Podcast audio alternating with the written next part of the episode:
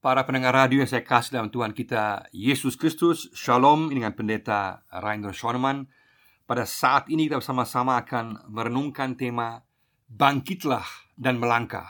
Bangkitlah dan melangkah. Kita akan melihat ada empat contoh teladan dalam kisah para rasul. Bagaimana ada empat orang yaitu Filipus Juga Ananias, kemudian juga Cornelius dan juga Petrus. Mereka sungguh-sungguh mendengar suara Roh Kudus dan mereka kemudian taat pada suara Roh Kudus sehingga kemudian mereka bangkit dan mereka melangkah dan akhirnya mereka menjadi berkat bagi orang lain. Dan itu juga sangat penting untuk kita pada masa sekarang bahwa kita hidup dalam kepekaan terhadap Roh Kudus. Kita juga siap untuk bangkit, siap untuk melangkah sehingga kehidupan kita dapat menjadi berkat di mana pun kita berada dalam lingkungan kita, tempat kerja kita, keluarga kita, di mana pun kita berada. Karena kita peka dan kita mendengar dan kita sungguh-sungguh mengikuti pimpinan roh kudus. Karena dalam kisah para rasul diberikan sebagai contoh kepada kita Bagi gereja sepanjang zaman dan sepanjang masa Bahwa kita harus belajar dari berbagai teladan Bahwa sebenarnya kalau kita lihat kisah para rasul Harusnya namanya kisah roh kudus. Karena di balik karya para rasul adalah Roh Kudus yang berkarya, Roh Kudus yang menggerakkan, Roh Kudus yang memanggil, Roh Kudus juga yang memperlengkapi mereka. Maka bagi gereja sepanjang zaman sangat penting untuk sungguh-sungguh peka mendengar dan mengikuti suara Roh Kudus. Di sini ada empat contoh yang ingin saya berikan yang juga menunjukkan bahwa setiap orang dapat dipakai oleh Tuhan. Setiap orang masing-masing dengan situasinya yang berbeda-beda. Apa pun situasi kita, apa pun pekerjaan kita, latar belakang kita, semua kita dapat dipakai oleh Tuhan untuk pekerjaan Tuhan dalam lingkungan di mana pun kita berada, baik lingkungan dekat kita maupun bahkan juga dibawa keluar dari lingkungan kita ke tempat-tempat yang lain. Ada empat contoh yang ingin saya berikan secara singkat, saya jelaskan pada saat ini. Contoh pertama adalah bangkitlah dan melangkah meski tidak mengerti. Bangkitlah dan melangkah meski tidak mengerti. Filipus. Kita baca dari Kisah Para Rasul 8 ayat 5 sampai 8 dan juga ayat 26. Kisah Para Rasul 8 5 sampai 8 dan ayat 26 dan 27. Dan Filipus pergi ke suatu kota di Samaria dan memberitakan Mesias kepada orang-orang di situ. Ketika orang banyak itu mendengar pemberitaan Filipus dan melihat tanda-tanda yang diadakannya, mereka semua dengan bulat hati menerima apa yang diberitakannya itu. Sebab dari banyak orang yang kerasukan roh jahat, keluarlah roh-roh itu sambil berseru dengan suara keras, dan banyak juga orang lumpuh dan orang timpang yang disembuhkan. Maka sangatlah besar sukacita dalam kota itu. Ayat 26 Kemudian berkatalah seorang malaikat Tuhan kepada Filipus, katanya, "Bangunlah dan berangkatlah ke sebelah selatan menurut jalan yang turun dari Yerusalem ke Gaza. Jalan itu jalan yang sunyi. Lalu berangkatlah Filipus. Di sini digambarkan bagaimana Filipus yang berada dalam tengah-tengah situasi pelayanan yang luar biasa di mana Tuhan memakai dia setelah masa penganiayaan yang dialami oleh orang Kristen di Yerusalem mereka kemudian tersebar ke mana-mana Filipus pergi ke Samaria dia memberitakan Injil dan ada banyak tanda-tanda mujizat yang luar biasa yang mengikutinya membuktikan akan kekuasaan Yesus Kristus, kuasa kegelapan dihancurkan, kesembuhan terjadi dan terutama banyak orang yang menerima Yesus sebagai juru selamat mereka, sebagai Mesias mereka yang diutus oleh Allah. Tapi pada saat yang sama di tengah-tengah kesibukan pelayanan yang luar biasa, ada kebangunan rohani yang luar biasa. Tiba-tiba Filipus mendengar suara Roh Kudus yang mengatakan supaya dia bangkit dan pergi ke tempat yang sunyi, tempat yang jauh, karena Roh Kudus mau menunjukkan sesuatu kepada dia. Sebenarnya secara manusia orang bisa katakan, "Kenapa saya kan di sini sedang melayani Tuhan dan sedang mengalami kebangunan rohani yang luar biasa?" Tetapi karena Filipus dikuasai Roh Kudus, maka dia kemudian taat dan dia pergi ke jalan sunyi dan kemudian kita tahu dia bertemu di padang gurun dengan seorang bendaharawan, seorang sida-sida dari Ethiopia dan kemudian dia memberitakan Injil kepada sida-sida itu dan dia kemudian menjadi percaya kepada Yesus. Filipus berangkat, dia bangkit, dia melangkah meskipun dia tidak mengerti. Dia tidak mengerti kenapa tiba-tiba harus pergi dari tempat pelayanan yang penuh dengan buah yang telah dihasilkan yang luar biasa. Jadi meskipun dia tidak mengerti, dia sungguh-sungguh bangkit, dia melangkah dan melakukan kehendak Tuhan. Maka akhirnya kemudian membawa berkat yang luar biasa. Sida-sida itu yang berasal dari Ethiopia, yang berasal dari negara yang lain sama sekali, bangsa yang lain sama sekali, kemudian menerima Injil Yesus. Maka bagi kita juga berarti pada masa sekarang kita harus berdoa Tuhan berikan aku kepekaan pada suara Roh Kudus supaya meskipun aku tidak mengerti pada saat Engkau berkata, Engkau mengatakan kepada aku untuk bangkit dan melangkah untuk melayani seseorang atau melayani suatu daerah tertentu atau melayani dengan cara tertentu bahwa meskipun saya tidak mengerti kalau suara Tuhan jelas, kalau panggilan Tuhan jelas, maka kita harus bangkit dan melangkah. Karena hal tersebut pasti akan membawa berkat. Contoh yang kedua di sini terlihat dalam kisah para rasul adalah bangkitlah dan melangkah meski ragu dan takut. Bangkitlah dan melangkah meski ragu dan takut. Ananias. Kita baca kisah para rasul 9 ayat 10 sampai 18. Kisah para rasul 9 ayat 10 sampai 18. Bunyinya demikian. Di Damsyik ada seorang murid Tuhan bernama Ananias. Firman Tuhan kepadanya dalam suatu penglihatan, Ananias, jawabnya, "Ini aku Tuhan." Firman Tuhan, "Mari, pergilah ke jalan yang bernama Jalan Lurus dan carilah di rumah Yudas seorang dari Tarsus yang bernama Saulus. Ia sekarang berdoa dan dalam suatu penglihatan ia melihat bahwa seorang yang bernama Ananias masuk ke dalam dan menumpangkan tangannya ke atasnya supaya ia dapat melihat lagi. Jawab Ananias, "Tuhan, dari banyak orang telah kudengar tentang orang itu Betapa banyaknya kejahatan yang dilakukannya terhadap orang-orang kudusmu di Yerusalem Dan ia datang kemari dengan kuasa penuh dari imam-imam kepala Untuk menangkap semua orang yang memanggil namamu Tapi firman Tuhan kepadanya Pergilah sebab orang ini adalah alat pilihan bagiku Untuk memberitakan namaku kepada bangsa-bangsa lain Serta raja-raja dan orang-orang Israel Aku sendiri akan menunjukkan kepadanya betapa banyak penderitaan yang harus ia tanggung oleh karena namaku.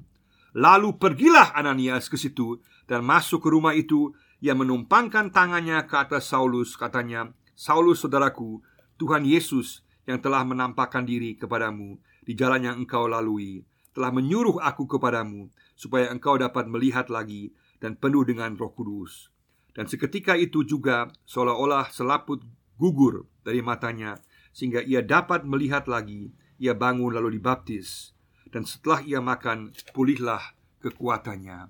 Di sini digambarkan bagaimana Ananias, seorang anak Tuhan, seorang warga jemaat, juga seorang pelayan Tuhan dalam jemaat di Antioquia, orang yang adalah warga jemaat, pengikut Yesus yang sejati, dia juga menjadi peka, dia juga bangkit dan melangkah meskipun dia ragu dan takut.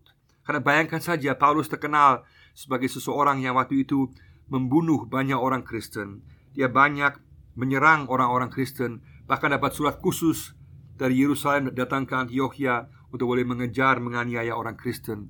Sehingga secara manusiawi Ananias bisa saja meragukan apakah itu suara Roh Kudus karena dia tahu akan Paulus yang mempunyai nama yang sangat buruk pada waktu itu karena dia adalah seorang penganiaya orang Kristen. Tapi dia Meskipun dia ragu, meskipun dia takut, tapi kemudian dia bangkit dan dia melangkah.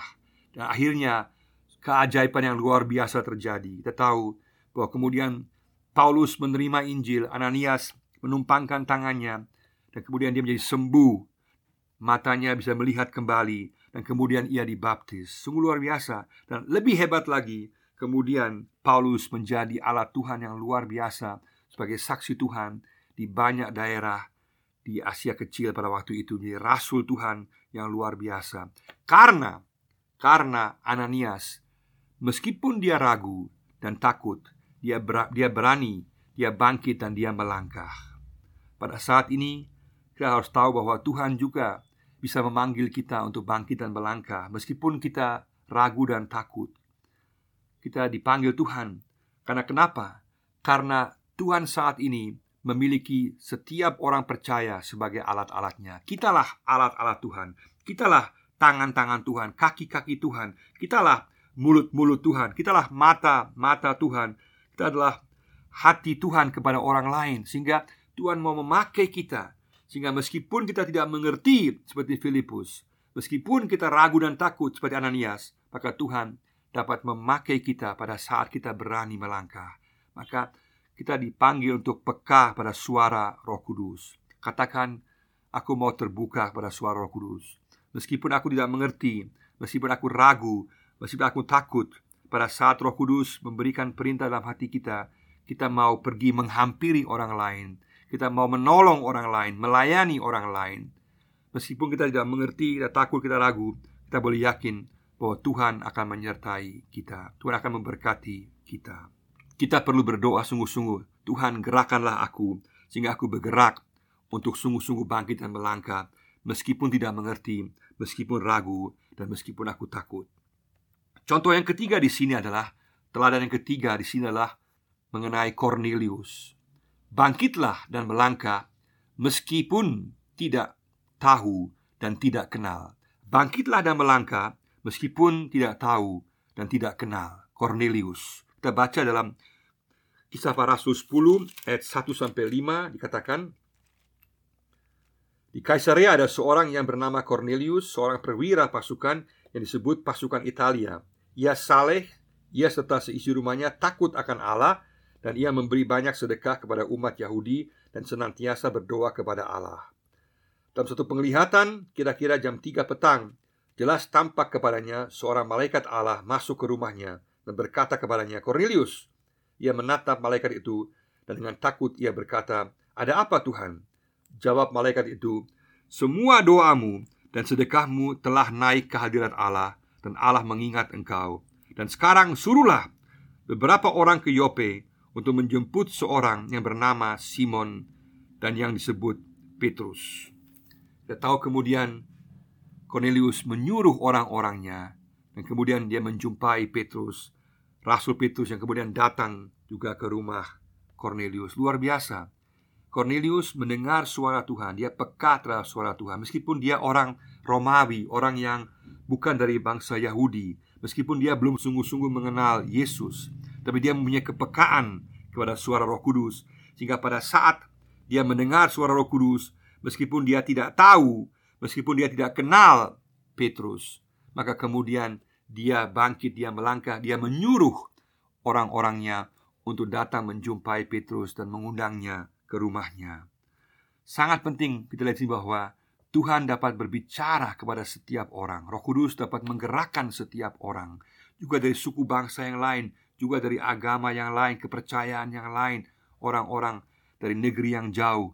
Yang penting bahwa ada ketaatan, ada kepekaan untuk mau mengikuti suara Roh Kudus. Tahu kemudian Petrus datang dan Petrus kemudian menjelaskan Injil kepadanya, maka seluruh rumahnya kemudian menjadi percaya kepada Yesus. Maka kesiapannya, kesediaannya untuk taat kepada suara Roh Kudus, dia menyuruh orang-orangnya untuk mengundang Petrus, akhirnya membawa berkat yang luar biasa. Seluruh keluarganya kemudian memahami tentang siapa itu Yesus Kristus sebagai juru selamat dan Tuhan dunia ini. Dan kemudian mereka diselamatkan. Mereka kemudian dapat pengajaran daripada Petrus sehingga mereka mengalami berkat yang luar biasa. Kita pun juga sama pada saat Roh Kudus berbicara kepada kita, mari sama-sama kita peka, kita melangkah meskipun kita mungkin tidak tahu seseorang, kita tidak kenal orang lain. Tapi pada saat Roh Kudus berkata, "Pergilah, sapalah dia, berbicara kepada dia." Maka kita harus mendengar suara Roh Kudus, taat pada Roh Kudus, dan kita akan lihat ada hasil-hasil yang luar biasa.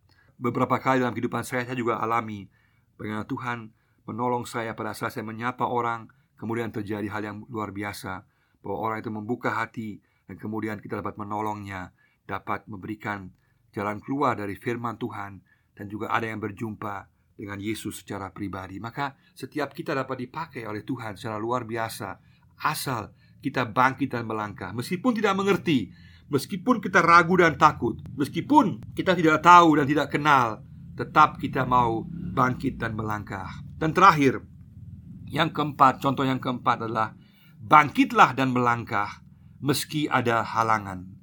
Bangkitlah dan melangkah meski ada halangan. Tentang Petrus, kita baca di dalam kisah para rasul pasal 10 ayat 19 sampai 23. Kisah para rasul 10 ayat 19 sampai 23. Dan ketika Petrus sedang berpikir tentang penglihatan itu, berkatalah roh, ada tiga orang yang mencari engkau. Bangunlah, turunlah ke bawah dan berangkatlah bersama-sama dengan mereka. Jangan bimbang, sebab aku yang menyuruh mereka kemari. Lalu turunlah Petrus ke bawah dan berkata kepada orang-orang itu, Akulah yang kamu cari, apakah maksud kedatangan kamu? Jawab mereka, Cornelius, seorang perwira yang tulus hati dan takut akan Allah dan yang terkenal baik di antara seluruh bangsa Yahudi, telah menerima penyataan Allah dengan perantaraan seorang malaikat kudus. Ia mengundang engkau ke rumahnya dan mendengar apa yang akan kau katakan. Ia mempersilahkan mereka untuk bermalam di situ. Keesokan harinya ia bangun dan berangkat bersama-sama dengan mereka dan beberapa saudara dari Yope menyertai dia. Sungguh luar biasa. Petrus mendapatkan penglihatan dan kemudian dia pada saat dia dapat penglihatan dikatakan bahwa ada tiga orang yang mencari dia yang telah diutus oleh Cornelius dan dia kemudian bangkit dia pergi dia pergi dan kemudian melayani seluruh keluarga besar dari Cornelius sang perwira Romawi itu luar biasa sekali karena dia peka terhadap pimpinan Roh Kudus meskipun ada halangan meskipun dia adalah orang Yahudi dia pergi kepada orang Romawi yang dianggap kafir pada waktu itu dianggap dari bangsa-bangsa yang mempercayai kepercayaan-kepercayaan lain. Tapi dia juga tahu bahwa Tuhan juga bekerja di antara bangsa-bangsa sehingga Cornelius pun juga sungguh-sungguh mengikut Tuhan. Dan sekarang Petrus datang untuk mengajar, memberikan pengetahuan yang penyataan diri yang lebih lagi tentang Yesus Kristus sebagai Tuhan dan Juru Selamat. Sehingga meskipun ada halangan, ras, golongan, bangsa, maka Petrus tetap pergi dan akhirnya menjadi berkat yang luar biasa. Dia boleh mengabarkan Injil, menjelaskan siapa Yesus, arti kematian kebangkitannya, arti hidupnya, maknanya, pengharapan yang dimiliki dalam Yesus Kristus, dan juga kepastian kehidupan kekal, pengampunan dosa. Dia jelaskan semua kepada Cornelius, sehingga seluruh keluarga menjadi percaya kepada Yesus. Sungguh luar biasa, karena dia pergi, dia bangkit, dia melangkah, meskipun ada halangan. Yang terakhir, ketaatan membawa berkat. Ketaatan membawa berkat. Dari keempat contoh tadi, Filipus, Ananias, Cornelius, dan juga Petrus, kita lihat bahwa Tuhan dapat memakai semua orang dan setiap kita pun pada saat ini dapat dipakai bagi kepentingan kerajaan Allah, kepentingan pekabaran Injil, pelayanan sosial diakonia. Filipus seorang diaken menjadi seorang misionaris yang Tuhan pakai luar biasa. Anania seorang warga jemaat biasa menjadi pelayan yang luar biasa. Cornelius seseorang dari bangsa lain kemudian dipakai Tuhan menjadi alat Tuhan. Juga Rasul Petrus dipakai Tuhan untuk kemudian membawa Injil kepada bangsa yang lain. Maka setiap kita, apa pun golongan kita, dapat dipakai oleh Tuhan. Maka yang penting yang utama adalah bahwa kita taat kepada suara Roh Kudus.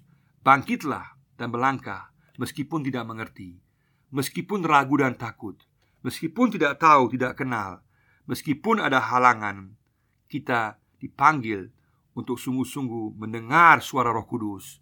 Kita sungguh-sungguh mengikuti dan peka terhadap suara Roh Kudus, maka ketaatan kita akan membawa berkat. Bangkitlah dan melangkah, karena suara Roh Kudus Itulah yang menentukan dalam kehidupan kita. Suara Roh Kudus sama dengan suara Yesus, sama dengan isi firman Tuhan. Maka semua yang dikatakan Roh Kudus yang sesuai dengan firman Tuhan harus kita dengar, harus kita ikuti, harus kita lakukan. Dan itu berarti berada di atas semua organisasi gereja, organisasi yang lain apa pun juga. Suara Roh Kudus yang menentukan semua kegiatan kehidupan pribadi rohani kita semua organisasi gereja kita harus peka terhadap suara Roh Kudus. Karena suara Roh Kudus yang sejati, yang asli, sama dengan suara Yesus dan sama dengan isi firman Tuhan. Kalau sesuatu yang kita anggap merupakan suara Roh Kudus tapi bertentangan dengan firman Tuhan, itu berarti bukan dari Roh Kudus.